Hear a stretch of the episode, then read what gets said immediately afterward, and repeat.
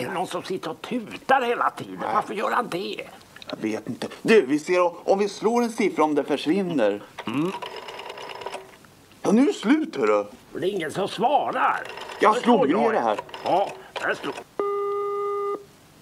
Är det någon som svarar? Nej, inte ännu. Hallå?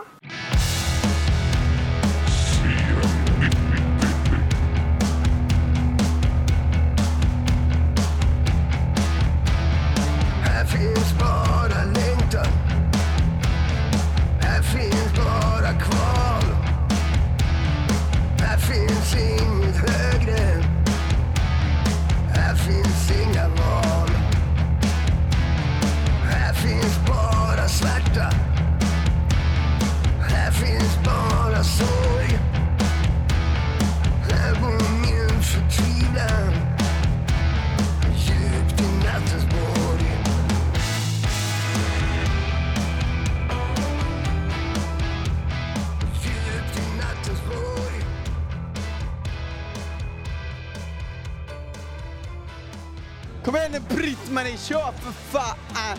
Ja, i C90-poddens sjätte, sjätte avsnitt dyker vi strax ner i det fantastiska hårdrocksåret 1971 med hjälp av Henrik Bergqvist, gitarrist och låtskrivare i Prins Svart.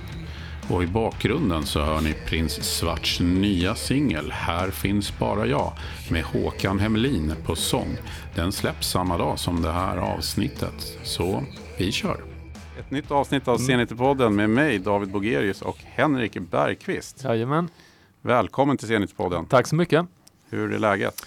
Jo, efter omständigheterna så får man väl ändå säga att det är rätt okej. Det är lite märkliga tider eh, som vi befinner oss i när vi, när vi spelar in den här. Man vet inte om det är förändrat imorgon eller vad som ska hända, men, eh, men det här covid-viruset som eh, har satt världen liksom på halt. Så eh, spenderar mycket tid hemma just nu med barn och fru och pysslar med det som går att göra hemma. Men eh, vi är friska hyfsat, lite, förutom lite så här förkylningsnys och sådär, så mår vi bra. Och, och alla vi känner, ingen har liksom drabbats konkret av det, annat än att det blir bortfall av intäkter ifall man håller på med musik och sådana där saker som är kopplade till lite så här nedstängningen av samhället. Men, eh, så det är, en, det är en konstig tid. Är du satt i karantän eller? Nej, inte egentligen. Alltså, min äldsta dotter går i skolan fortfarande och det är min eh, son då som är tio år som, som har varit snuvig så att han har bara varit hemma och då har jag varit hemma med honom. Men jag får inte gå till jobbet. Jag, jobbar på universitetet och undervisar och forskar där ute och jag får inte gå dit för att eh, liksom ha möten eller eh, ha undervisning längre utan det får ske på distans då framöver. Så att ja, men det är hemma vid. Men alla har ju sin laptop och det är ju där man sitter och jobbar i alla fall så att det går väl an. Mm. Och nu sitter vi mitt i en replokal här i Ja. Älvsjö. Mm. Eh, och här håller ditt band till tillsammans Mm. med ett par andra. Mm. Prins Svart. Precis, det här är vårt tempel. Ja. det här är den heliga mark som vi träffas på för att tillbe musikgudarna. Eh, ja, nej, men Prins Svart är, det är ett förhållandevis nyligen startat band kan man väl säga på ett sätt. Eh, alltså det var 2017 som vi spelade in vår debutplatta som sen kom ut 2018. Men eh, vi känner varandra i bandet sedan tidigt 90-tal eller första halvan av 90-talet i alla fall. Så att vi har spelat ihop av och till under lång tid. Och, eh, ganska välrenommerade musikanter så tillvida att Sebastian Sippola som spelar trummor har spelat i Grand Magus tidigare och med Glenn Hughes och lite olika. Och eh, Thomas Thorberg som även kallad Pomma, han spelar bas i bandet. Han har spelat med Michael Schenker och Tiamat och lite olika, varit runt sådär och gjort låtar med John Norum och sånt som man hinner, på, hinner göra under ett liv som i, i musikens tecken. och jag själv har spelat i Poodles eh, i tio år och spelade också i Tiamat en gång i tiden. Eh, vi känner alla Lars Sköld som har dragit med oss i olika faser i det bandet. Um, och uh, ja, så att nu var det dags liksom att, att slå våra påsar ihop igen och den här gången så var det på mitt initiativ då som jag tyckte det skulle vara kul att uh, köra på svenska helt enkelt. Så att skriva svenska texter i en genre som är väldigt förknippad med uh, engelska texter och den anglosaxiska traditionen liksom. Mm. Eh, så att det är, jag, jag satt, satte mig ner och tänkte och kunde inte komma på ett enda band i den genren som hade liksom varit inne på att uteslutande göra grejer på svenska. Sen så finns det ju intilliggande genrer som alltså Motvind och November och Abramis Brama och på Grågefält tidigare. Alltså det finns mycket som har gjorts på svenska som är rockmusik. Men just den här liksom 70-80-tals influerade melodiska rocken någonstans som vi rör oss i. Eh, där kunde jag inte komma på riktigt eh, något som träffade riktigt det vi ville göra. Eh, men ja, men det, ja, det, det var det kändes som en bra idé och det kändes på ett sätt viktigt för mig som skriver texter då. Mm. Att det skulle vara på svenska, att vi inte skulle liksom gömma oss bakom någonting utan att man skulle skriva saker som på något sätt träffar snabbt, liksom. att det Mm. blir en omedelbar beröring för lyssnaren som, som lyssnar på dem. Och eh, hittills så tycker jag att vi har liksom eh, träffat ganska rätt. Alltså folk uppskattar att det är på svenska och jag tror att det blir just en sån där eh, kontakt liksom med någonting som bara finns i ens modersmål. Eh, Sen har vi ju då nästan alla våra fans i Sverige också. Ja. det blir ju så att säga konsekvensen av det. Att eh, vår marknad eh, snävas av lite grann. Men vi har också lyssnare eh, utanför Sveriges gränser som tycker att det är fränt med liksom, hårdrock på svenska, även fast de kanske inte fattar riktigt vad vi sjunger och sådär. Så att det, Nej, Det kan inte vara helt lätt för dem. Att, Nej, man, man tänker ändå så här att det, det, det har ju funnits ett, en del band. Jag menar, Rammstein kom ju Mm. Eh, i tanke liksom kring internationellt framgångsrika band som har sjungit på sitt modersmål och verkligen nått ut. Mm. Eh, inga övriga jämförelser, men, men det, finns, det finns några sådana undantagsband där, där det har funkat bra. Så att, ja, vem vet, vi kanske kan eh, komma någon vart med det i slutändan.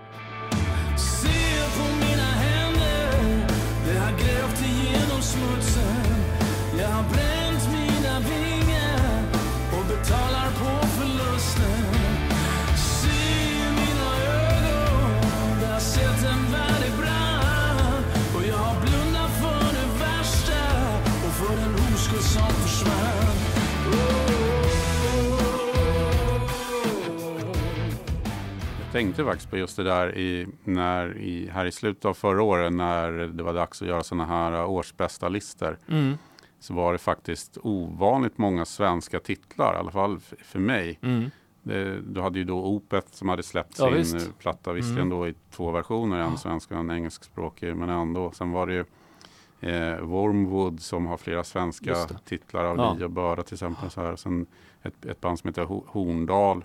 Som annars sjunger på engelska, men Mm. en av deras eh, kändaste låtar heter Häng honom. Ja. Eh, och, så det känns ändå lite som att det har blivit lite vanligare Mm, med svenska titlar. ja. Och, eh, och och det är ofrånkomligen, ofrånkomligt på något sätt kanske att man tänker på November. ja. Som de sjöng på svenska Ja, rakt igenom då. I, Jo, så fort det finns en koppling till 70-talsrocken då, då måste man nämna dem. Ja.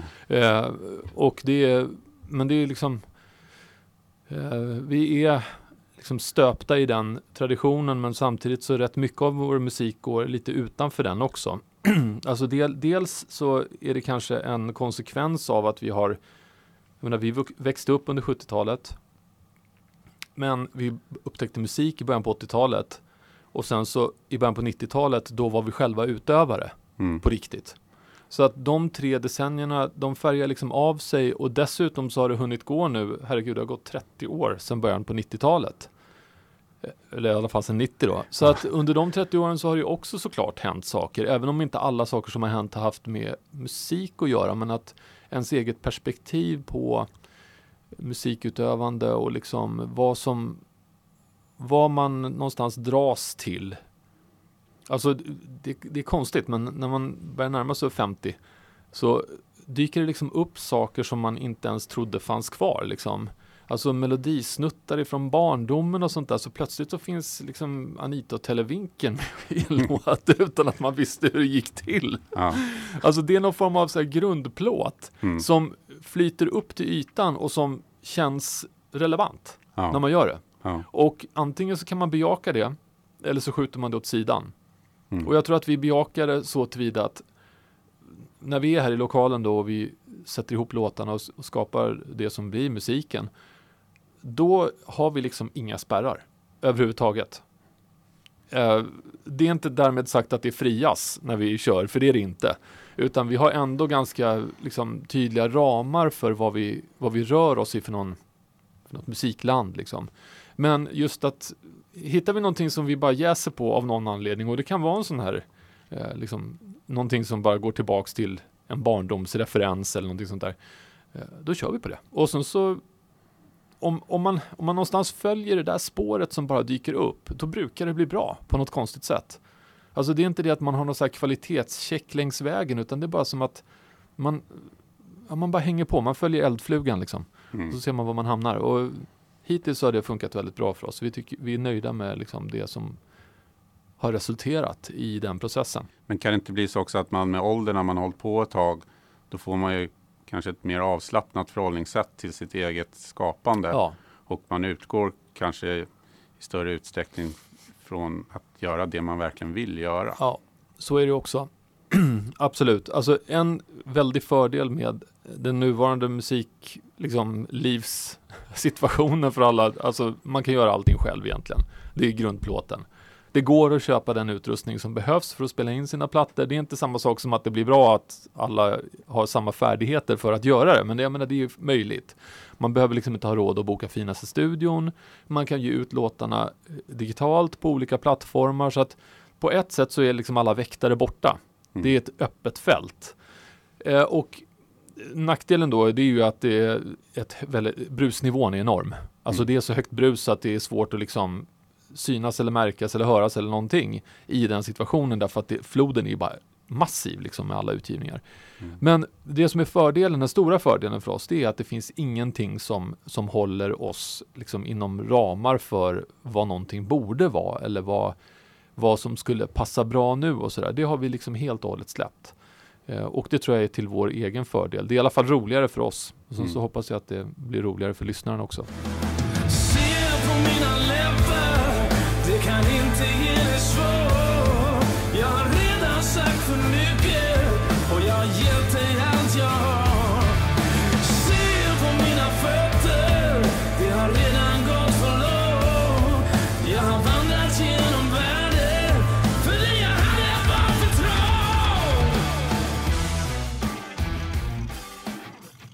Men Prins Svart då, det, Mm. det är mycket på gång.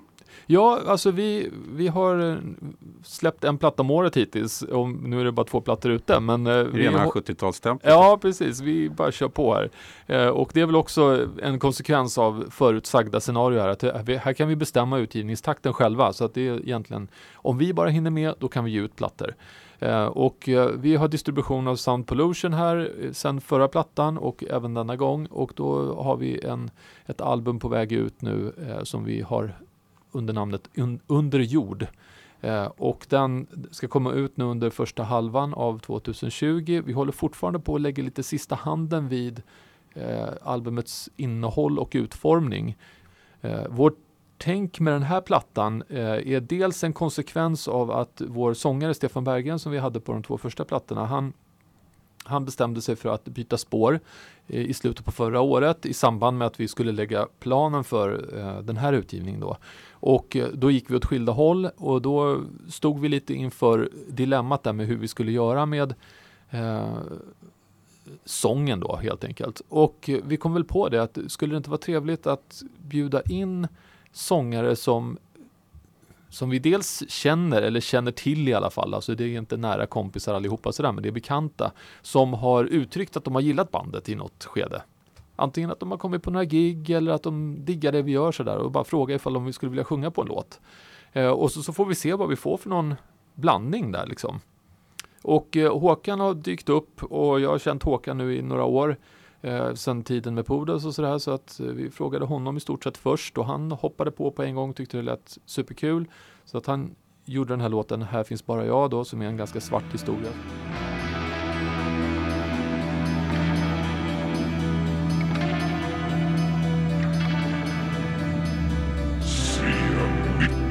Jag väntar på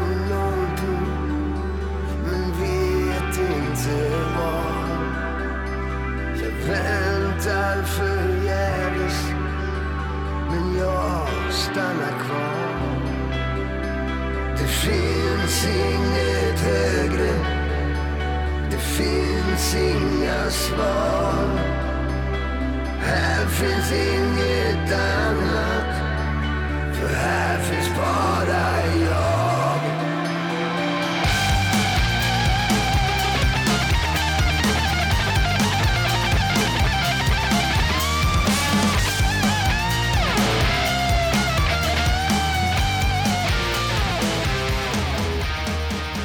Eh, och sen så har vi under våren varit ute och spelat och då har vi haft Mats Levén som eh, sångare från Candlemass och eh, numera Skyblood och eh, tidigare Yngwie Malmsteen. Han har en lång karriär med eh, olika ganska väl renommer- renommerade band. Treat eh, också, som- den Ja, precis tidigt.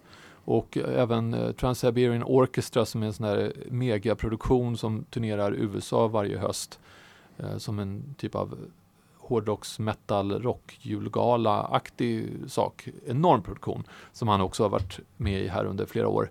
Så att, och Mats är en nära kompis och vi har jobbat, eh, alltså han har hjälpt mig med låtskriveri och, och lite olika saker. Det, faktiskt så måste jag säga att om det inte hade varit för Mats så hade jag kanske inte riktigt vågat ta steget med att göra det här på svenska därför att de första skisserna jag hade på låtar det var i ett annat sammanhang. Då hade jag inte formulerat det här med Prins Svart än för mig utan då, då var det, testade jag lite olika eh, hårdrockslåtar som jag hade skrivit och, och där jag ville ha en svensk text och när Mats hjälpte mig att liksom sjunga in det där då fattade jag liksom att men det här kommer att gå, det här kommer att bli jävligt bra. Eh, För han tog det liksom på allvar. Jag trodde först att han kanske skulle garva och bara säga att nej, men det här går inte. Liksom. Men eh, sån är inte Mats. Han, han tar det på allvar och han gör liksom han har respekt för både det man försöker göra och för musik eh, i övrigt också. Så att eh, det, blev, det blev väldigt lyckat och sen dess har vi liksom haft en ganska tajt kontakt. Eh, och när den här situationen dök upp så då erbjöd han sig att hjälpa till och, och vara ute och, och köra med oss. Men ni har Eh. aldrig diskuterat att han skulle bli permanent sångare? Alltså eh, Mats har ju li- lite egna agendor där med, han har Skyblood nu som har precis har gett ut sin eh, Eh, debutplatta och det är lite tematik i den också så att han tänker sig i alla fall minst två plattor till där. Så att det ska bli någon form av trilogi och sådär och eh, ja, en massa andra engagemang också så att det, det har väl inte varit riktigt eh, något som vi har pratat om eh, i detalj sådär. Eh, utan den här gången så, så bidrar han med att sjunga på ett spår på plattan och sen så har han varit med oss då live som sagt och så, så får vi se hur det blir framöver. Eh, men eh, Mats är en favorit. han är ju verkligen eh, toppen att jobba med och eh, han har en unik röst och musikalitet. Eh, och utöver Mats och Håkan så har vi även eh, kontaktat Janne Åström som eh, Cornelis-uttolkare med Medborgarna och musikalartist. Ja, Janne är grym. Han är Riktig liksom, pipa. Ja, shit alltså. Och en, alltså framställan är ju verkligen som en fullfjädrad fjädrad skådis. Eh, så att han sjunger på en låt också, kommer bli jättebra. Eh, och så har vi vår eh, bandlokalskompis Matti Alfonsetti från Skin Trade också som sjunger på en låt. Eh, en riktig dänga. Och ja, så det, är en, det är en kul sammansättning. Sen så kommer även Pomma då från, från vårt band sjunga på en låt och kanske jag också på en låt. Så att det, det, blir en, det blir en palett av olika röster. Mm. Eh, och förhoppningsvis så blir det kul och spännande. Eh, risken är ju såklart att det blir väldigt spretigt. Ja. Men om vi då, ja, ett av temana för vårt samtal här, det är ju ett år i musiken och om man, någonting som kännetecknar musik på 70-talet för mig, det är just eh, en otrolig experimentlusta och en variation inom ramen för ett projekt, någonting man gör. Alltså om man lyssnar på Dark Side of the Moon eller A Night at the Opera eller eh, Zeppelin 3. Jag menar, jösses vad det är olika låtar på de plattorna. Det, Mm. Hade det inte varit samma band som framförde det så hade man ju aldrig kunnat tro att det kom ifrån samma gäng nästan. Så att vi lutar oss lite grann mot det faktumet att vi kan göra grejer som framstår som ganska varierade och annorlunda om vi bara håller ihop det performancemässigt så att säga. Och det, det är vi som spelar så att säga. Det låter ju som en ganska unik grej. Kanske är det det. Alltså, den känns eh, spännande och ny för oss i alla fall. Mm. Ehm, och jag kan väl inte på rak arm komma ihåg att det är någon som har gjort det här. Det, alltså, det är inte någon projektplatta sådär som Phenomena eller någonting Nej, sånt där den riktigt. Utan Det är det, det också tänker på. ja, precis. Och jag älskar Phenomena-plattorna Mm. så att det hade inte varit någon dålig grej alls om det Nej. hade funnits ett överlapp. Men där, där tänker jag att äh, ingången var lite annorlunda. Där hade man liksom ett låtskrivartandem som bjöd in eh, några Olika stycken. För, ja, också, precis. För att liksom sätta ihop något speciellt projekt. Medan vi är trots allt ett band. Mm. Bara det att vi bjuder in röster till vad vi, vad vi gör då. Ja, nej men vi, vi har stor tillförsikt. Vi tycker att det låter väldigt lovande och vi hoppas att eh, de som följer oss och lyssnar på oss ska tycka att det är lika roligt. Så. Sen, sen vet man inte vad som händer på nästa platta. Nej, det, alltså vi får nog hålla oss till den här och så får vi se framöver vad, eh, om det här blir något återkommande eller inte. Det får, det får vi liksom se. Mm. Det man enda man kan tänka sig om ni skulle åka på en längre turné, men nu är Ja. inte det så vanligt längre. Nej, och i nuvarande tider så är, känns turnerandet ganska avlägset tyvärr. Men, tyvärr. men eh, även om det inte var eh, så som det är nu så, eh, så några långa Tysklandsturnéer tror jag inte på horisonten än så länge. Även om det låter trevligt när jag säger det. Så, men vi försöker komma ut och spela i bra sammanhang här hemma i Sverige. Alltså under våren nu så vi hade tur att få spela med Avatarium, förband till Avatarium här på Nalen och eh, Pustervik. Jätteroliga spelningar och jag menar vi känner allihopa i Avatarium och det är ju underbara människor också. Så att de var väldigt schyssta mot oss och tog med oss på den svängen och det var verkligen angenämt på alla sätt. Eh, och sen så för några veckor sedan så spelade vi på Katalin i Uppsala och det är också en sån här klassisk venue så att vi har haft tur att spela på bra lokaler där det har låtit bra och där vi har kunnat komma till vår rätt tror jag. Eh, vi har även spelat på Kägelbanan och Kraken här i Stockholm. Och så, så att eh, ja, men vi, vi tuffar på liksom i det avseendet. Vi, I det här skedet så styr vi över allting själva och vi så, så mycket som vi orkar boka, så mycket blir det gjort så att säga. Det är ingen som, som drar lasset åt oss i det här läget. Så att då, eh, då kan man inte skylla på någon annan. Nej, nej. Om man ser till din bakgrund då, så är en stor del av din musikaliska historia är ju The Poodles. Du var ändå Ja. med i, i tio år. Ja, precis. Ja, ja, det var en fantastisk tid. Eh, jag känner Jakob ungefär från samma tid som vi började spela med varandra i Prins Svart, alltså tidigt 90-tal. Ja, sångaren Jakob Ja, Jakob Samuel. Samuelsson då i, i Poodles där och eh, vi har också haft kontakt genom åren. Eh, aldrig riktigt spelat ihop annat än att Jakob har vickat någon gång när vi har behövt det och sådär så att vi har haft eh, möjligheter att, att ses och spela och sådär men inte i någon fast konstellation då.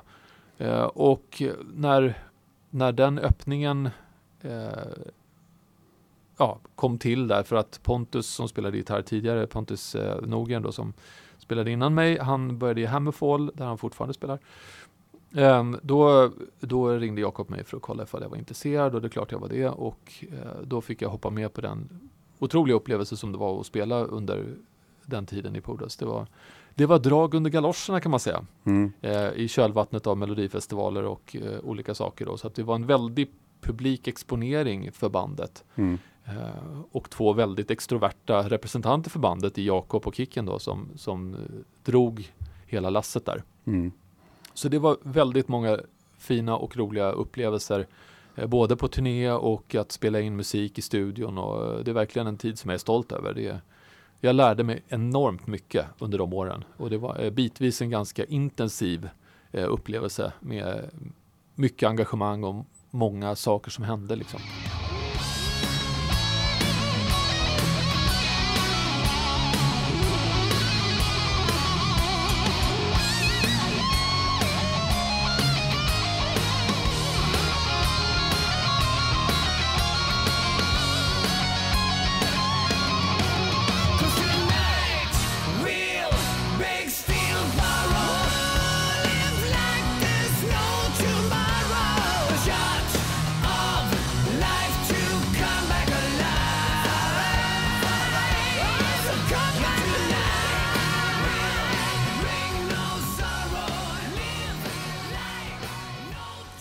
Sverige så sågs ju Poodles för den stora publiken mycket som just, ett melodifestivalband Ja, som man ja, hade, för de var ju med två gånger. Ja, precis. Och då finns det väl en utmaning att man kanske får en stor publik till en början som sen är svår att behålla. Precis. Det är, det är utmaningen, speciellt när man spelar genremusik, alltså hårdrock. Mm. Eh, hade, hade, vi, hade Poodles varit ett popband hade det kanske varit lite annorlunda, men det är väldigt svårt att, att eh, som du säger, liksom bibehålla en publik som är intresserad av att bandet ger ut hårdrocksplattor samtidigt som att deras första exponering för bandet var kanske i melodifestivalsammanhang då. Men det, de fick verkligen ett genombrott med dunder och brak så att den där svansen på den smällen, den höll rätt länge. De flesta som vi kom i kontakt med var lite förvånade över just den här målgruppsgrejen som man brukar säga att alla måste ha en målgrupp. Men när vi eh, spelar i Sverige så det är allt eller då under de åren så det var ju alltid från sjuåringar till 90-åringar som kollade in oss. Liksom. Det var långt bortom liksom, den traditionella hårdrockspubliken som vi faktiskt hade när vi var ute i Europa och spelade. Utan då var det rockklubbar som vi spelade på. Eh, men det vart lite, också kan jag tycka efteråt, att det vart lite ambivalent mellan att liksom vara nischad i en genre och att spela ganska traditionell melodisk hårdrock. Eh, och att samtidigt eh, bibehålla en publik som var mycket bredare än vad genren antydde då. Man kan göra på många olika sätt, vi gjorde på ett visst sätt och det, det bar ändå ganska väl.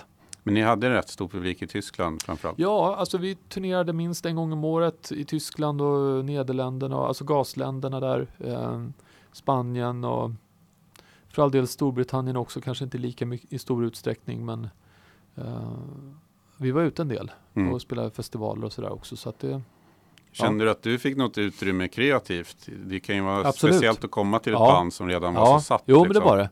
Men eh, alltså det var som sagt ganska hög takt på eh, saker, både eh, kreativitetsmässigt och även aktivitet sådär med att vara ute och spela. Så att jag och Pontus Egberg som spelar bas i bandet, vi skrev rätt mycket ihop och Jakob var också delaktig i det vi skrev. Sen så skrev Jakob på sitt håll med andra personer också. Eh, så att det, det kom låtar från många olika håll och det en del av min färdighet som låtskrivare kommer ifrån den tiden när vi färdigställde material och, och gjorde låtar och sådär. Så att absolut, det fanns en, det fanns en tydlig Mm. kreativ ingång för mig också. Mm. Eh, Allt eftersom jag vart varm i kläderna så att säga och var del, del i bandet. Men det, det jag kan tänka mig också att en annan utmaning för dig var att kombinera det med familj och, Ja. och eh, yrkeslivet. Ja, som, eh, Det var tufft ibland. Kan man du säga. jobbar som språkforskare. Precis. Ja, så att jag har forskat under hela den tiden så att säga på Stockholms universitet och på institutionen för lingvistik. Så att det har varit, det har varit mitt, mitt jobb, så att säga, mitt dagjobb. Ja. Eh, när man är musikant så är det ju ofta så att man har liksom pikar när andra människor inte jobbar. Så att det kunde jag liksom utnyttja då att det är ju helger och somrar som var liksom huvudsakliga tidpunkter då vi gjorde saker. Så att måndag till fredag så hände det kanske inte så mycket och då kan man vara på jobbet. Men samtidigt det varit ganska lite ledighet ibland och eh, familjen fick väl sanning, ja, sanningen att säga eh, ta lite stryk ibland med just att, att eh, det var mycket resande och man var mycket hemifrån. Men som språkforskare, då jobbar man med olika projekt har jag förstått. Ja, precis. Alltså forskning idag det är väldigt projektknutet. Så att du får ansöka om pengar för allting du vill göra och så länge du lyckas få anslag för att forska då har du pengar så att du får en lön. Men när du inte lyckas få pengar, externa medel då så att säga, då, då är det svårt att ha ett jobb. Så att jag har haft tur och lyckats eh, få anslag kontinuerligt så att jag har kunnat fortsätta forska och samtidigt så har jag undervisat också på universitetet då. Så att Ja. det har varit en kontinuerlig grej som jag har gjort under, ja sedan 2008. Vad kan ett sånt eh, projekt liksom handla om? Alltså Den det, som inte alls har någon koll. nej precis, det kan ju vara väldigt olika saker. Ehm, språk är ju något mångfacetterat och väldigt stort. Um, alltså man kan studera det från många olika håll. Min ingång har väl i första hand varit fältlingvistik då, så att jag har varit och jobbat med talare oftast av minoritetsspråk då i olika delar av världen. Sådana språk som inte är de här stora spanska, franska, tyska, engelska, ja, mandarin och indonesiska hör också till de där stora språken. Eh, men utan mindre språk som mayaspråk som talas i södra Mexiko och eh, språk som talas i norra Colombia och då har jag jobbat med talare av de språken och försökt beskriva delar av grammatiken för de språken. Mhm. Så att det har varit ett fokus för de projekt som jag har föreslagit.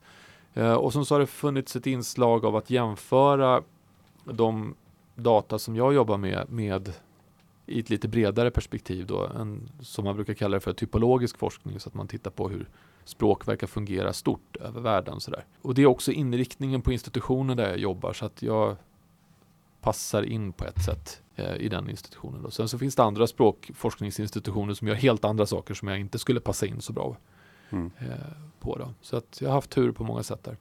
Det måste varit en stor kontrast mellan så här, yrkeslivet Ja, där och sen särskilt då när du åkte runt med Poodles. Ja, absolut. Alltså, jag har sagt flera gånger att eh, det finns någon komponent i just liksom hur min hjärna funkar där musik och språk ligger väldigt nära.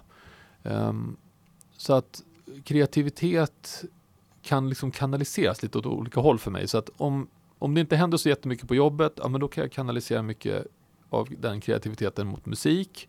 Och händer det mycket på musiken, ja då blir det lite eh, då hä- händer det mycket på jobbet, ja då får musiken stå tillbaka lite. Mm. Så att det är inte jättetvära kast på ett sätt för mig. Alltså just i hur jag angriper att undersöka saker och liksom hur jag jobbar med det. Men slutresultatet blir ganska olika. Alltså musik är musik och språk är språk. Även fast det finns språkliga komponenter i musik såklart då, om, om man skriver texter. Mm. Och det har jag alltid gjort. Så att eh, det, ja, men det har gått på något konstigt sätt att kombinera. Ja, det får man vara glad för. Ja, vi har ju ett, ett tema i, Ja, i dagens avsnitt, Ja. ett, ett årtal, Mm. 1971. Ja, precis. Vad kul. Och det är inte jättelångt i, ifrån eh, en del av den musiken som du skapar idag. Nej, nej. får- Kan man väl säga. Nej, det är ett viktigt år kan Ja. man säga. Det är en referenspunkt, definitivt. Vad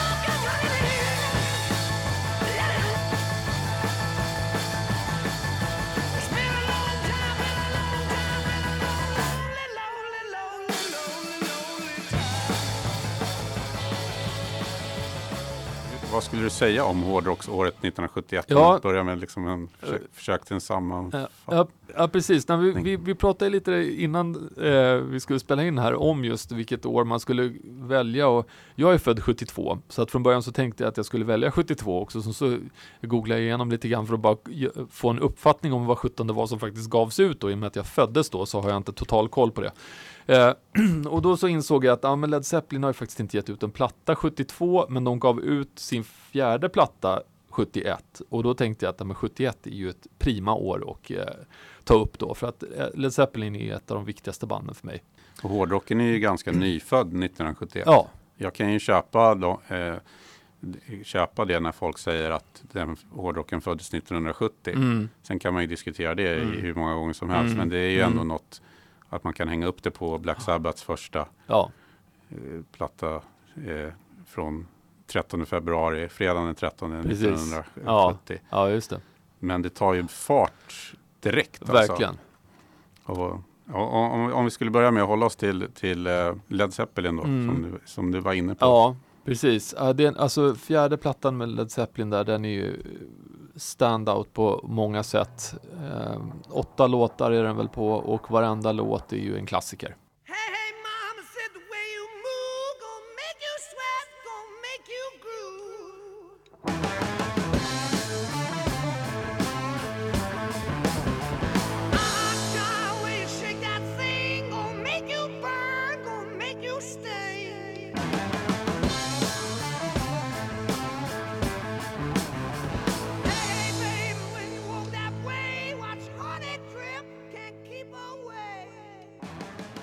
Alltså det finns ju inte några bispår eller Inga fillers. inga fillers där inte. Herregud, det är bara liksom, det är bara the real deal hela vägen igenom. Och det är ju, ja det är fantastiskt på Mm. ett sätt. Och jag har många gånger tänkt på vad det 17 det är som drar mig till Led Zeppelin så mycket. Därför att såklart den gitarrdominerad musiken. Jimmy Page är en av de största låtskrivarna och arrangörerna genom alla tider och en av de främsta gitarristerna. Men det är något annat också. Det är liksom de, de var verkligen ett magiskt band på många sätt. Alltså de, när, när jag lyssnar på Led Zeppelin så finns det liksom ett löfte bortom musiken. Att det finns något att liksom förstå. Det är liksom det är ett sånt djup i musiken. Och det är den blandningen som de i alla fall har nått fram till då 71 med den här fjärde plattan. Namnlösa fjärde plattan. Då är det liksom då är de i sin egen värld. Då har de lämnat det som var, alltså I, I can't quit you babe, alltså de här tidiga blueslåtarna. Mm. Jag menar bluesen finns ju kvar, det är liksom inte det, men, men alltså då har de, då har de liksom blivit någon form av entitet liksom. Och som håller på att ta över världen totalt. Så att det är verkligen höjden av deras kraft, liksom kreativt och Alltså det är något otroligt unikt med det liksom och det, det hörs i musiken och det går bortom någonstans spelet som är fantastiskt och låtarna är fantastiska och det är liksom eh, Men det är någonting som jag nästan inte hittar i något annat band på samma sätt. Den här eh, magiska anslaget liksom som eh, som inte går att sätta fingret på. Det bara finns där. Det är någon form av Det, det som jag... häxkraft. Ja,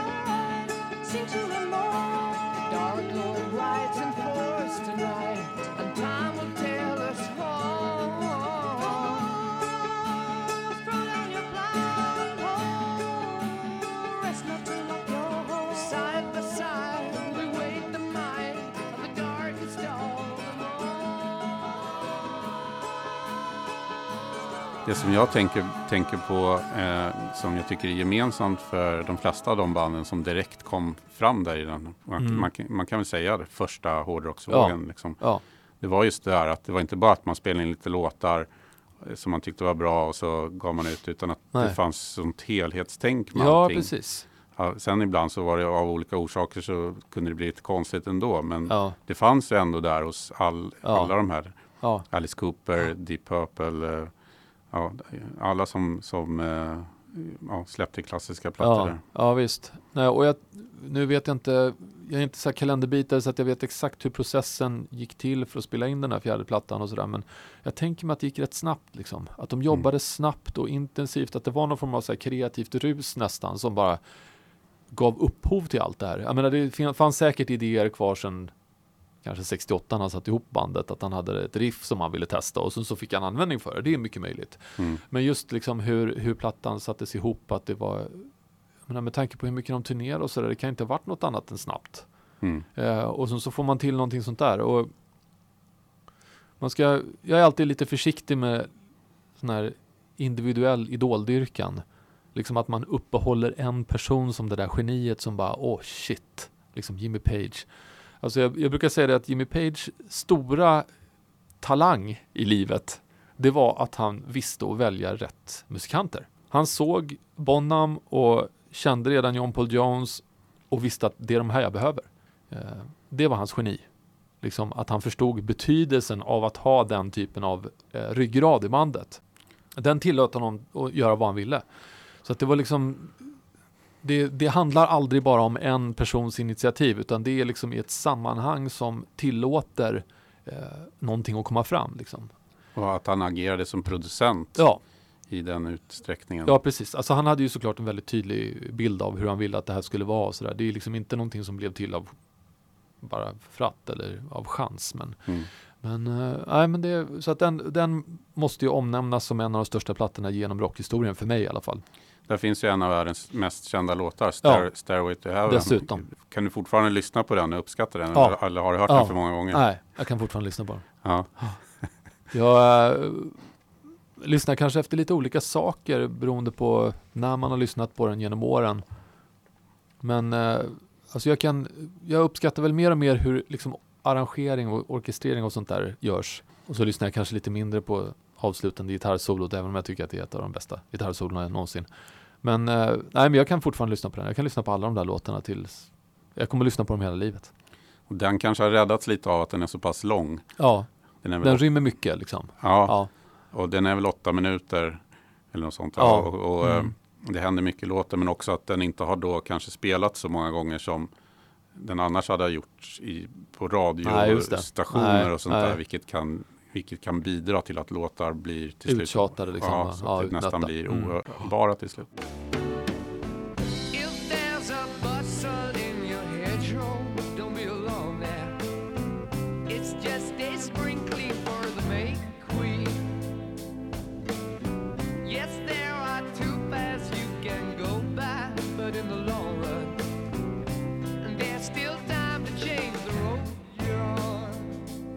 Men annars är den ju, den börjar ju rätt övertygande med, med Black Dog och Rock'n'Roll. Ja, precis. Ja, det är en stark öppning. Men avslutningen är inte dum heller med When the Levy Breaks som är, det är en sån här milstolpe vad gäller trumljud.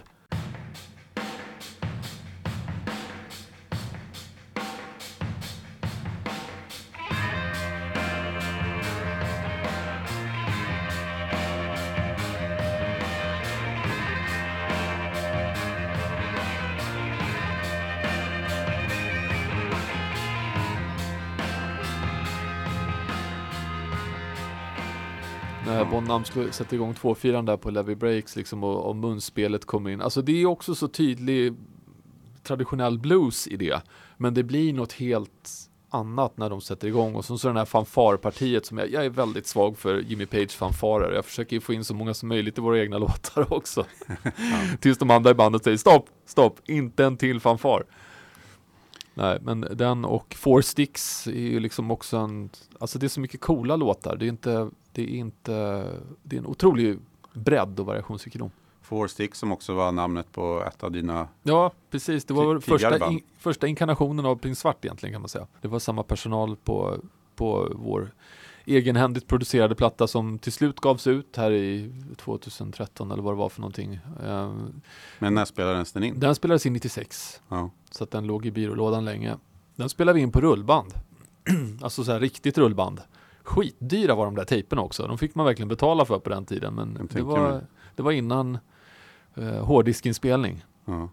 Så att de där rullbanden de stod kvar i trummisens källare. Men var det mycket Zeppelin över Four Sticks? Ja, det kan man säga. Eller det var i alla fall vad vi siktade på. Ehm, vi, hade, vi började som ett Zepp- Zeppelin tributeband. Och eh, när vi började skriva, skriva egen musik så var den väldigt influerad av sena 60-talet, tidiga 70-talet. Det är ganska svår grej att ge sig på som tributeband. Ja, vi hade en väldigt bra trummis och basist. Det behövdes. med, med dem i basen, i botten där så, så gick det. Ja. Eh, nej men det är Sebbe och Pomma fortfarande. Så att, så att, Det är väldigt roligt att, Ja. att ni är samma gäng. Ja, ja nej, så att eh, det, det, vi, vi vågade ge oss på det och jag tror att vi gjorde det med den äran. Vi var ute och snurrade rätt länge med den där tributen och sen så som sagt började vi skriva egen musik innan vi drogs åt olika håll. Och sen, det var även ett band som heter Fortune som, som du var med Ja i. precis, det var mitt allra första band. Ja. Och det var där jag träffade Sebba också. Mm. Då var jag ännu yngre, då var jag bara 22. Då var, det var 92 och 90...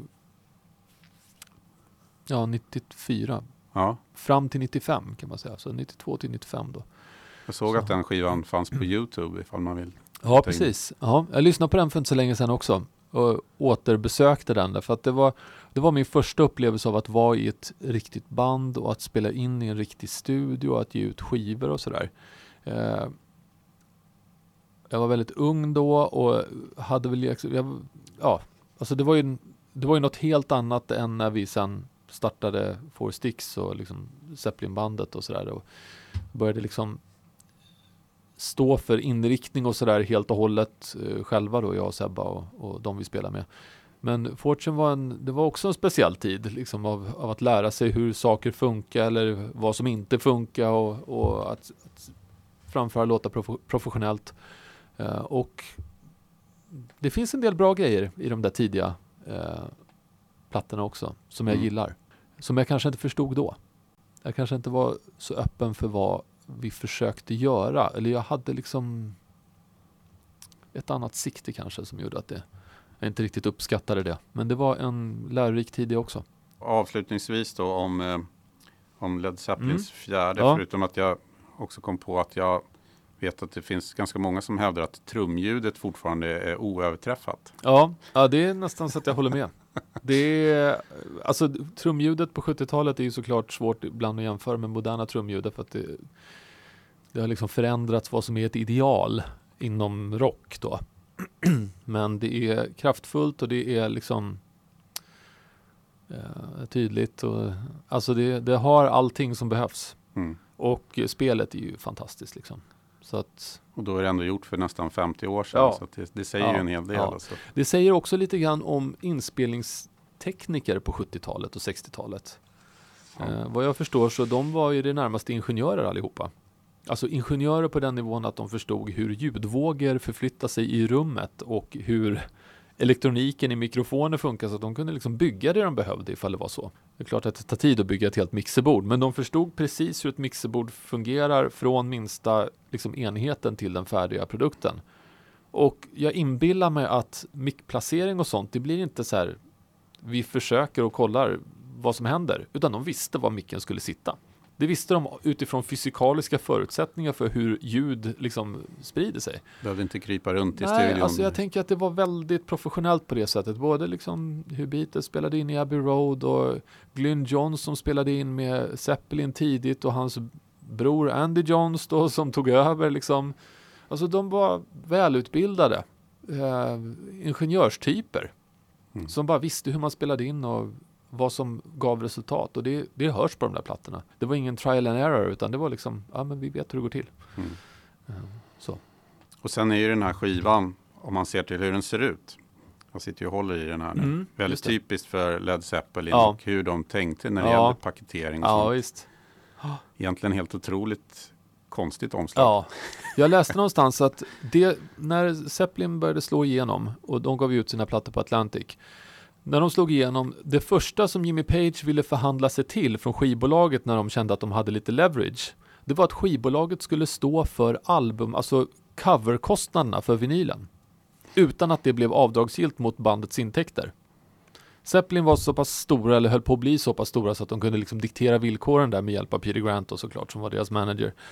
Så att de sa det att ni får ta kostnaderna för eh, albumomslagen. Och det var ju därför de gick helt bananas med alla de här snurrskivorna och liksom olika effekter och sånt där. Därför att det påverkade inte liksom kostnaden för produktionen från deras håll. Mm.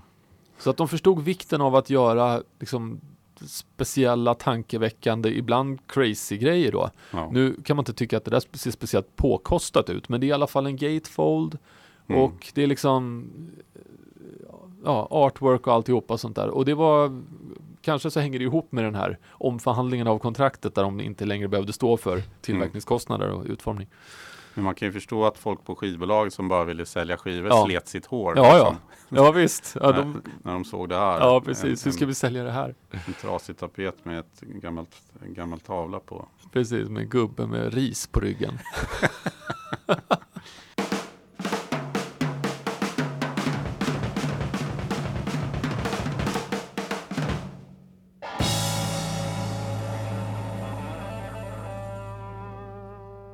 Ja, men det kommer jag ihåg för första gången jag såg den här. Det, det måste ha varit eh, någon gång kanske 83-84 när Ja. man själv hade börjat Ja. intressera sig Ja. för hårdrock och Ja. kanske lyssnade på, på Shout of the Devil och Ja, visst. Kiss Destroyer och sånt. Och så, så såg man det här bara, vad är det? Liksom? exakt. Nej men alltså jag köpte tidigt så köpte jag plattor efter omslaget. För att jag visste inte vad någonting var. Nej. Alltså jag visste vilka ACDC var, Iron Maiden, Motley Crue och Kiss. Och kanske några band till, liksom Motörhead och sådär. Mm. Men det var så många band som jag inte kände till överhuvudtaget. Så att stod det en platta som såg cool ut under rock, liksom i Ja. rockbacken, ja men då kunde jag köpa den. Och så, så ibland så var det en fullträff och ibland så var det en miss. Men oavsett så var man ju tvungen att sitta och lyssna på den i två veckor för man hade lagt ut alla pengar man hade på den där plattan. Så att det var liksom då satt jag och lyssnade på Samson i två veckor bara för att de hade ett bockhorn på omslaget. Lite så. Så att det var, sett ifrån det perspektivet så är det där ett ännu märkligare omslag. Det är svårt att sälja plattan på omslaget. Mm. Men eh, de hade väl så pass bra framfart så att det gjorde inte, gjorde inte någonting att det var lite kryptiskt. Och när man ser i ett, i ett större perspektiv så är det ju en enorm integritet bakom, Ja, ja, bakom det, det förhållningssättet. Ja, det, det fanns en, någon form av spirituell plan där gissar jag. Som, eh, som säkert spelade in. Led Zeppelin, för vi är ju ungefär i samma generation. Det var ett Ja. sånt där band som man fick höra om efter att man själv hade, eh, tror jag i många fall, eh, kanske upptäckte om man inte hade några storebröder. Precis, eller, det hade inte jag. Nej. Jag upptäckte Zeppelin sent. Mm. Vet du vad som faktiskt var plattan som gjorde att jag upptäckte Zeppelin? Det var Coverdale Page-plattan. Jaha, Som kom ut 93, tror jag. okej. Den gick ju på MTV och jag gillar ju David Coverdale från Whitesnake för att Whitesnake var ett av de tidiga banden som jag gillade också. Och så, så lyssnade jag på den där plattan och bara tyckte fan vad bra det här är. Alltså, jag älskar låtarna, jag tycker bara kanon liksom. Och så, hade jag en, en äldre kompis som sa det, men om du gillar det här då måste du älska Zeppelin. Och jag visste ju vilka Led Zeppelin var, men det var inte så, så att jag hade börjat lyssna på det. Och då, det var då jag började liksom backtracka och gå tillbaks och upptäckte Zeppelin. Och då hade jag hunnit bli 21 år, så att Mm. det kom sent.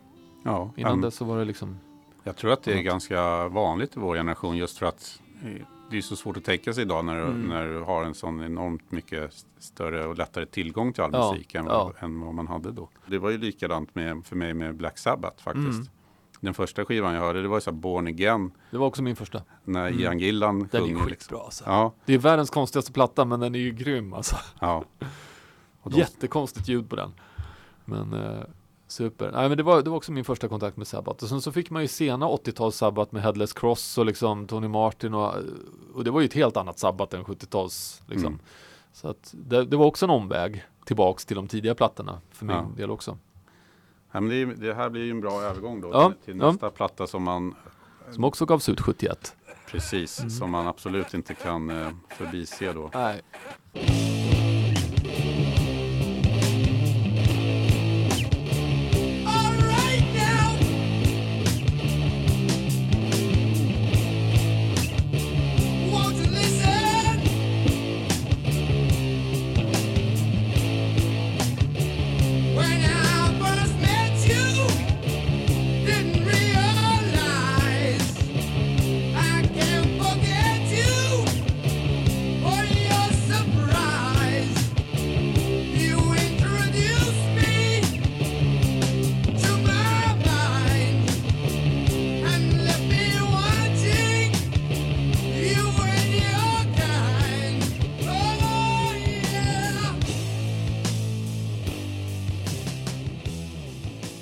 Master of Reality. Mm.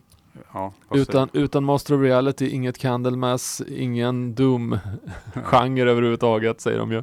Nej. Och det ligger någon, någonting i det. Det är ju verkligen Och jag tror även att band som Soundgarden som du var ja, inne på. Ja, Det finns ju rätt Ja, mycket visst. sabbat i, det, i ja de riffen. snacka om det. Ja, visst. Som, som Ja. då blev starten på hela Ja. grunge. Ja. ja Tony Iommi är ju en, en mästare, riffens mästare. Han är ju liksom ett geni. Han är ju någon form av Mozart inom hårdrocks eh, genren, får man säga. Mm.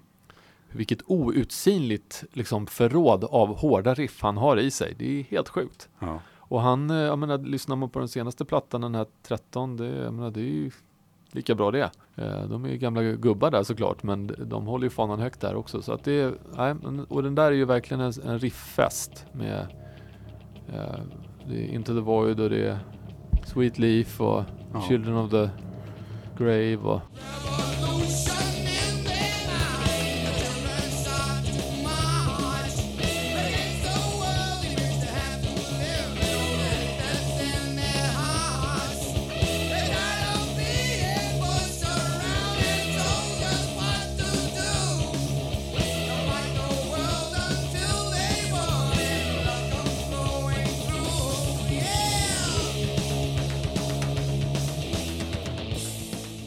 Men egentligen, alltså den är bara sex låtar för att det är två så här instrumentalsnuttar som bara är lite så här, Embryo Förbigående. Orchid, ja, precis, och sen så sex klassiska eh, hårda låtar liksom. Ja.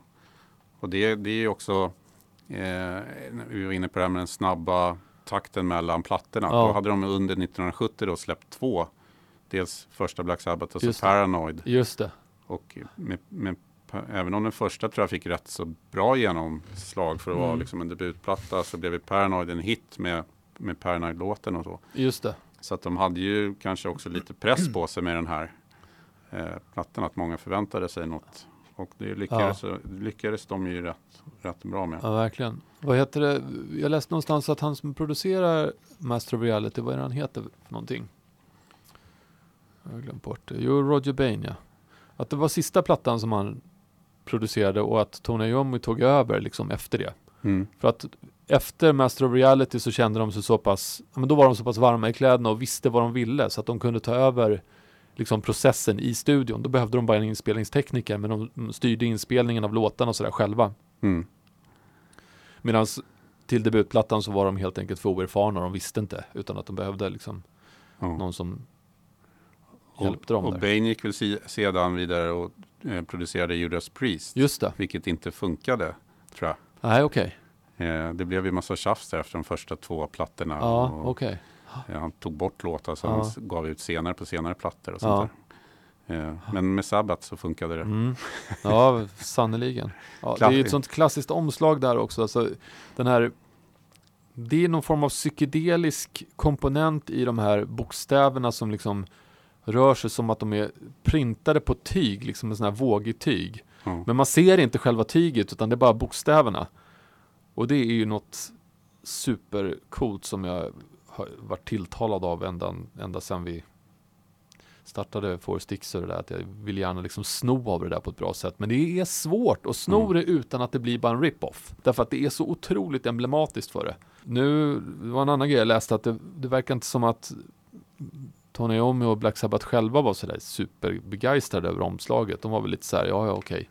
Lite Spinal Tap-aktigt i backspegeln. Ja. Men, men jädrar, alltså det här är ett coolt omslag för mig alltså.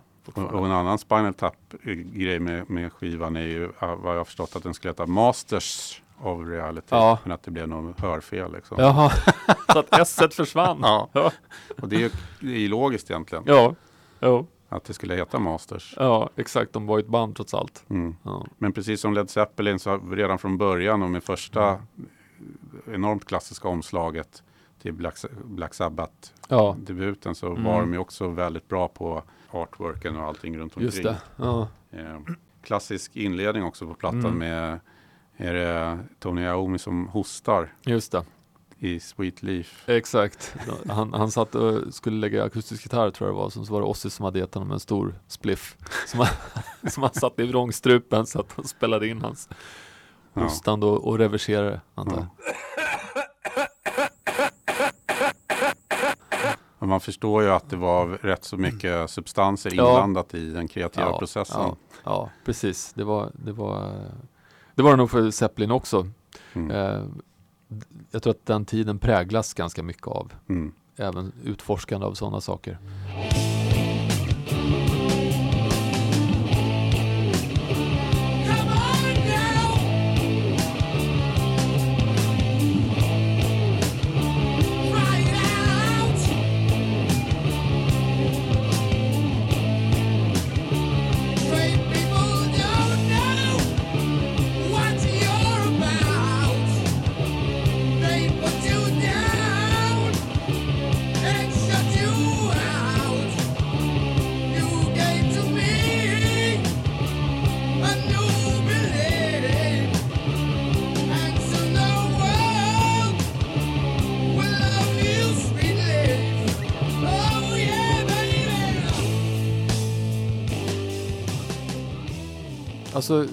Var ju väldigt unga också. När de satte igång. Så att, jag menar, när man är ung så klarar man nästan vad som helst. Men man klarar det bara så länge. Och sen så om man verkligen kör på med allt vad det där innebar. Mm. Då, det, man blir sliten snabbt eller förvirrad. Liksom. det går inte. Men de tidiga åren då, då kan det vara rätt galet och att det ändå blir kreativt på något sätt då. Och sen så trappas det där av och sen så blir det bara vansinne till slut liksom. Ja, det där är ju intressant för det där går ju igen även hos författare och filmskapare Ja, visst. och att man och i, i andra genrer också inom musik.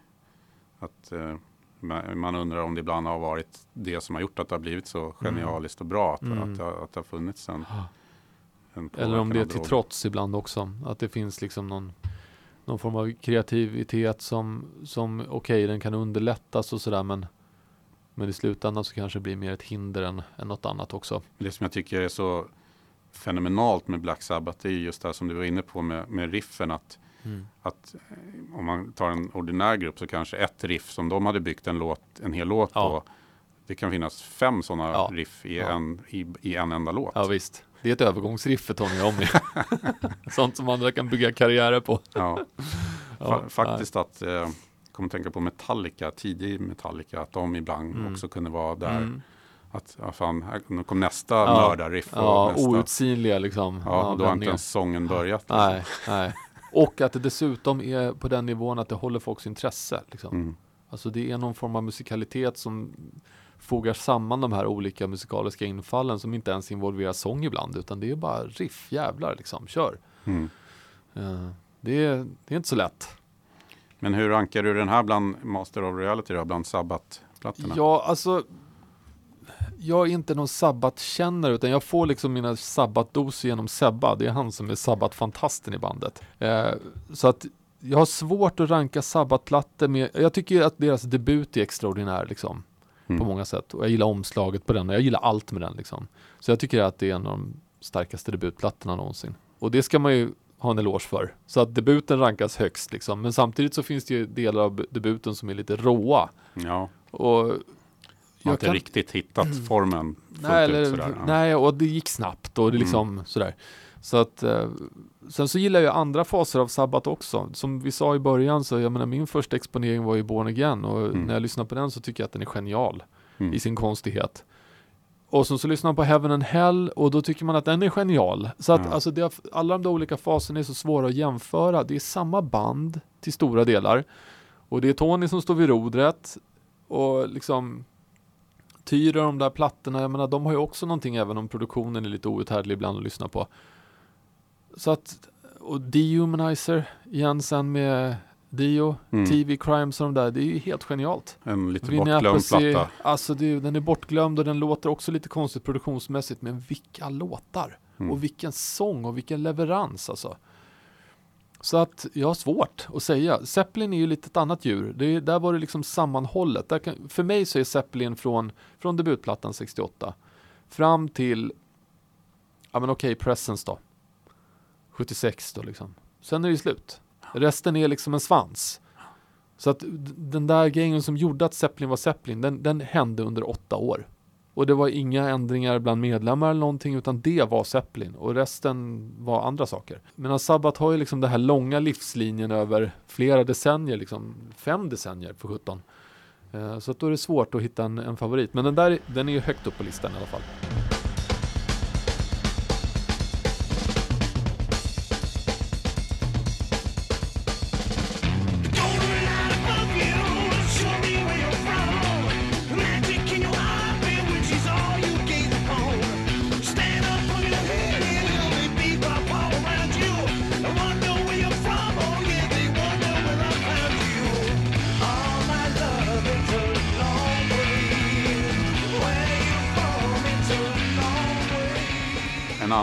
Grupp som ju gjorde en klart minnesvärd platta 1971 är ju Mm. onekligen Deep Purple. Just det.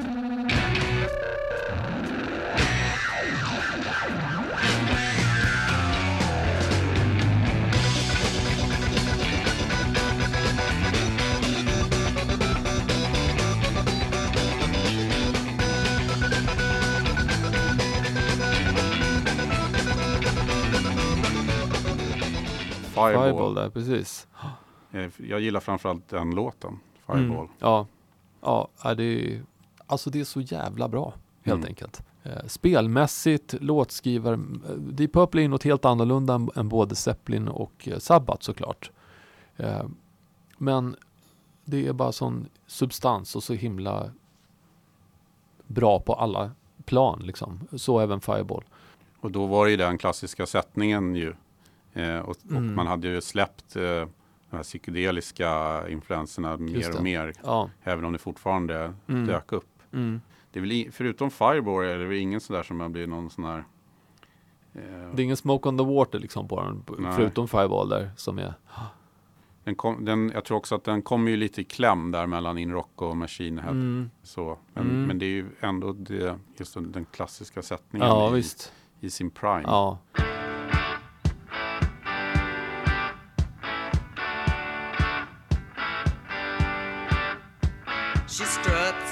Into the room. Well, I don't know her. But with a magnifying glance, I just sort of look her over. Hmm. We have a drink or two,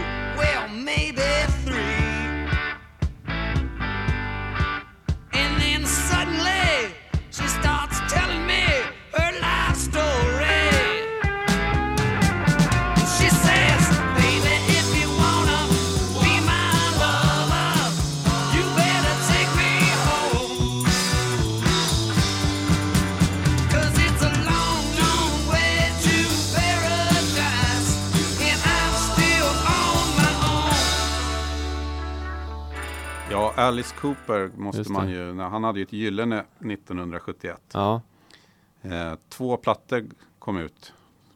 Okej. Med tanke på snabb Mm. utgivning. ja just det. Love, It, Love It To Death eh, i Mm. mars och Killer i november. Mm. Mm. Två enormt klassiska plattor ju. Framförallt Killer Mm. kanske. Mm. Mm. Båda plattorna är ju producerade av Bob Ezrin. Som eh, väl lyfte fram Alice Cooper lite ur eh, hans tidigare lite kanske väl experimentella Ja, just det. eh, st- stuk. Ja. Det ju, gjorde det lite mer kommersiellt, lite mer tillgängligt. ja, samtidigt som han, jag tror, förstod ju att ha kvar Ja, eh, det teatraliska och liksom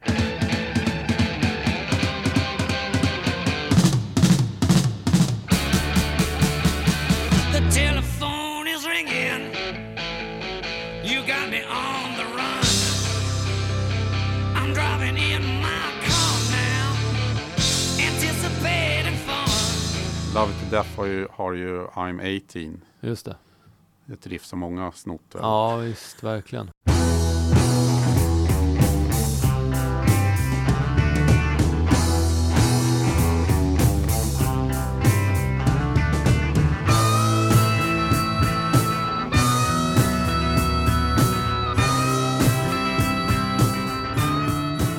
Vad är ditt förhållande till Alice Alltså Cooper? Alice är ju en 80-talsartist för mig. Mm. Det är ju liksom. He's Back och, och Poison och de där låtarna. Det är Mm. liksom den Alice som jag växte upp med. Ja. Just Tease Back visar ju Mm. att det blev en sån stor hit i Sverige. Det är Ja. det enda landet där det blev en, en stor hit. Ja, det är så. Okej. Ja, Ja. jag hörde en, Mm. tror det var Carl Linnaeus som eh, var med i en podd eh, som heter Patchtrollen när de bara Ja. pratade om Alice Cooper. Ja. Berättade det att det är bara i Sverige. Ja, okej. Ja. Ja, det var inte så att jag tittade på filmerna, alltså, jag har aldrig varit någon sån här skräckfilmsfantast riktigt. Så att jag, det var inte liksom för att det var soundtracket till en film som jag tyckte Ja, var... fredag den 13 Ja, precis. part. eh, Utan det, det var bara en låt som dök upp och jag, där jag tyckte jag gillade gitarrsolot, jag gillade soundet och det där. ja. Det där liksom, tyckte jag var ballt. Det behövdes inte mer. och sen så, Alice Cooper var ju någon som hade liksom lite attributen som jag gillade hos Kiss. Mm. Med liksom målade ögon och liksom, det fanns det där estetiska som jag tilltalades av. Eh, Sen hade jag en kompis som var mer inne på 70-tals Alice Cooper, min kompis Johan. Så att han lyssnade på liksom 18 och Schools Out och eh, Welcome to my nightmare och sånt där. Så det hade han i sina blandband. Så att jag fick en dos av Alice Cooper lite så här på avstånd, men jag hade inga plattor av Alice Cooper. Så att det var, det var lite så här indirekt exponering kan man säga. Men jag kan verkligen uppskatta det idag och en, vi har en keyboardist med oss när vi spelar live som heter Anders Verstader, Ni- Nippe även kallad, han gillar Alice Cooper som fasen. Så att han, han refererar ofta till Alice Cooper, ibland så vet jag inte riktigt vad han pratar om och ibland så kan jag hänga med. Ja. Men, men att det Alice har gjort ett, gett ett stort avtryck liksom i inom den genren liksom av hårdrock. Så mycket är ju klart. Och precis som med Kiss som, som då eh, förkastades på många sätt liksom, Ja. av media och sånt. Och man, att det var bara en, en liksom dagslända och så, så. Så är det ju. Det finns ju, en- de här plattorna är ju ruskigt starka. Mm. Liksom. Killer då med Under My Wheels, eh, Desperado, Be My Lover, Dead Babies. Just det. Be My Lover till exempel är ett riff. Det, det, alltså, det har ju man hört ju så, bland annat Magnus Uggla, Jag Ja. skiter. Ja, okej. Tänk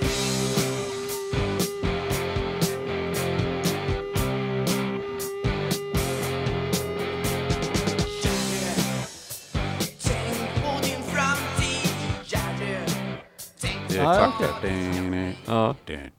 Ja. Men det hade säkert Magnus lyssnat på. ja, det tror jag. Han var ju liksom hårdrock, han gillar ju Sabbath, han gillar, alltså han lyssnade ju på hårdrock på den här tiden, så här, tidig. Och var ju väldigt glamrocks Mm. eh, influerad Ja. under de första Ja, plattorna. ja just det.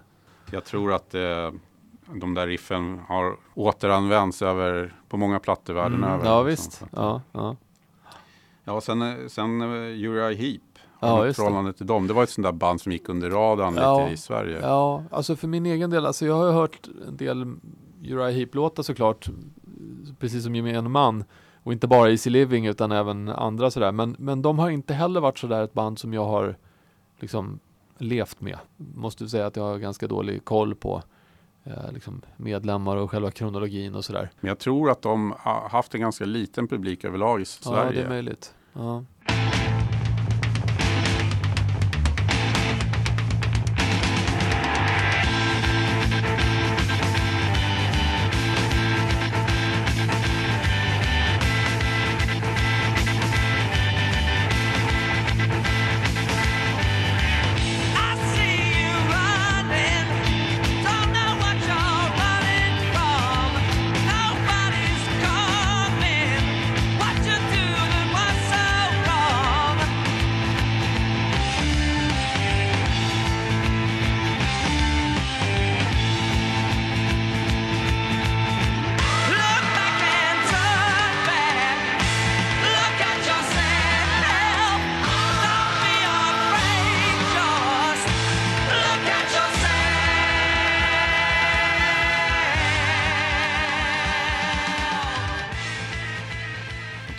Aldrig fram av typ så här po- poster. Nej, precis. Kanske inte att de hade liksom, eller Poster var ju väldigt nischade mot Kiss i och för sig och Sweet och Slade och liksom. ja, jag var ju lite för liten för Ja, poster, nej, men man har ju sett gamla. Ja, exakt. Ja, Jag hade en kompis vars storebrorsa hade alla nummer. Ja. Så att han sålde Kiss-planscher till mig som hans brorsa inte, om han hade någon dubblett eller någonting sånt där, då fick jag köpa dem för fem spänn. Ja. Så att jag fick en del coola posterplanscher på Kiss genom honom.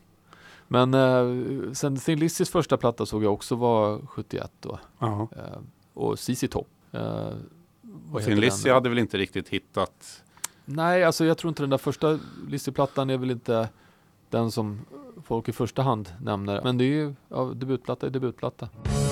But Diddy hadn't had enough. She had to get some more. On a ration piece of paper, she wrote Eunice, I'm not sure. And with a child in her arms. Och sen avslutningsvis måste vi ju nämna november. Ja, just det. Okej. Andra november kom ju ut 1971, deras, Just det. deras andra Ja. platta som, eh, som man också kan eh, förstå av titeln, även om den tredje hette 6 november. Mm. Okej. där, där försvann tematiken lite. Ja, Ja.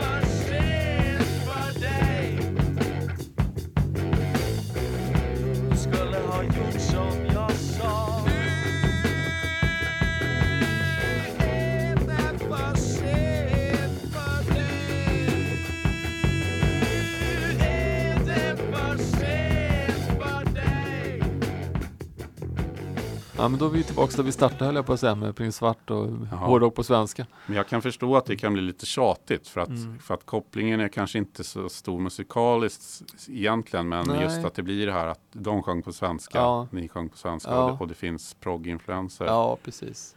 Ja, vi, vår, våra progginslag är väl lite av en annan sort än, än deras. Alltså jag, för mig så låter eh, November, det är liksom Cream och, och tidig Black Sabbath, fast på svenska. Mm. Och eh, vi har kanske inte så tydliga liksom, inslag av Sabbath hoppas jag att det finns någonting av. Men, men att det är, det är liksom utmejslat på ett lite annat sätt, inbäddat i en annan kontext liksom, där, där progg-elementet försvinner liksom för mig lite. I vår egen musik då. Eh, om jag ska drista mig till någon form av jämförelse. Men, eh, ja, men november är ju klassiskt. Så Mm. det, De var ju väldigt unga, de var, ju- gick Ja. i skola, alltså Jaha, högstadiet, okej. några av dem. Och, mm.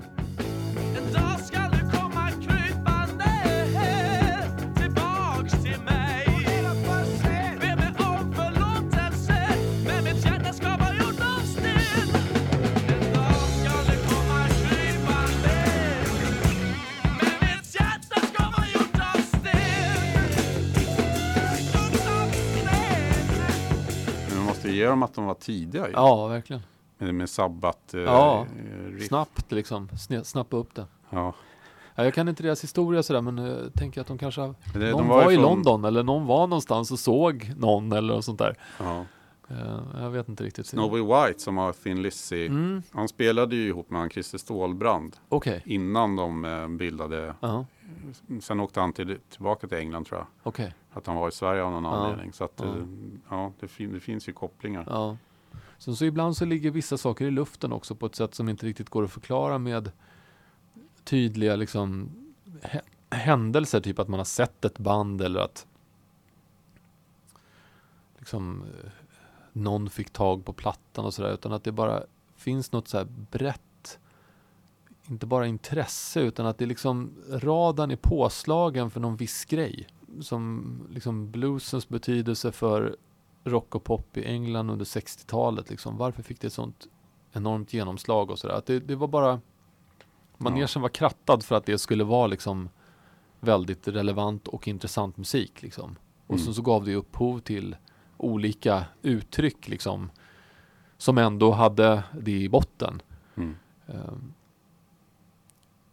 kanske var så med November och liksom sättet som de snabbt liksom plockade upp den facklan. Liksom. Ja. För jag Ja. menar, lite tid måste man ju också ägna sig åt att bara lära sig att spela grejerna. Men de spelar ju bra. Det Ja. är ju liksom ett kompetent band som spelar bra och som spelar på rätt sätt. Liksom. Eh, och det tar ju lite tid att lära sig. Men när man är ung så lär man sig snabbt. Andra sidan.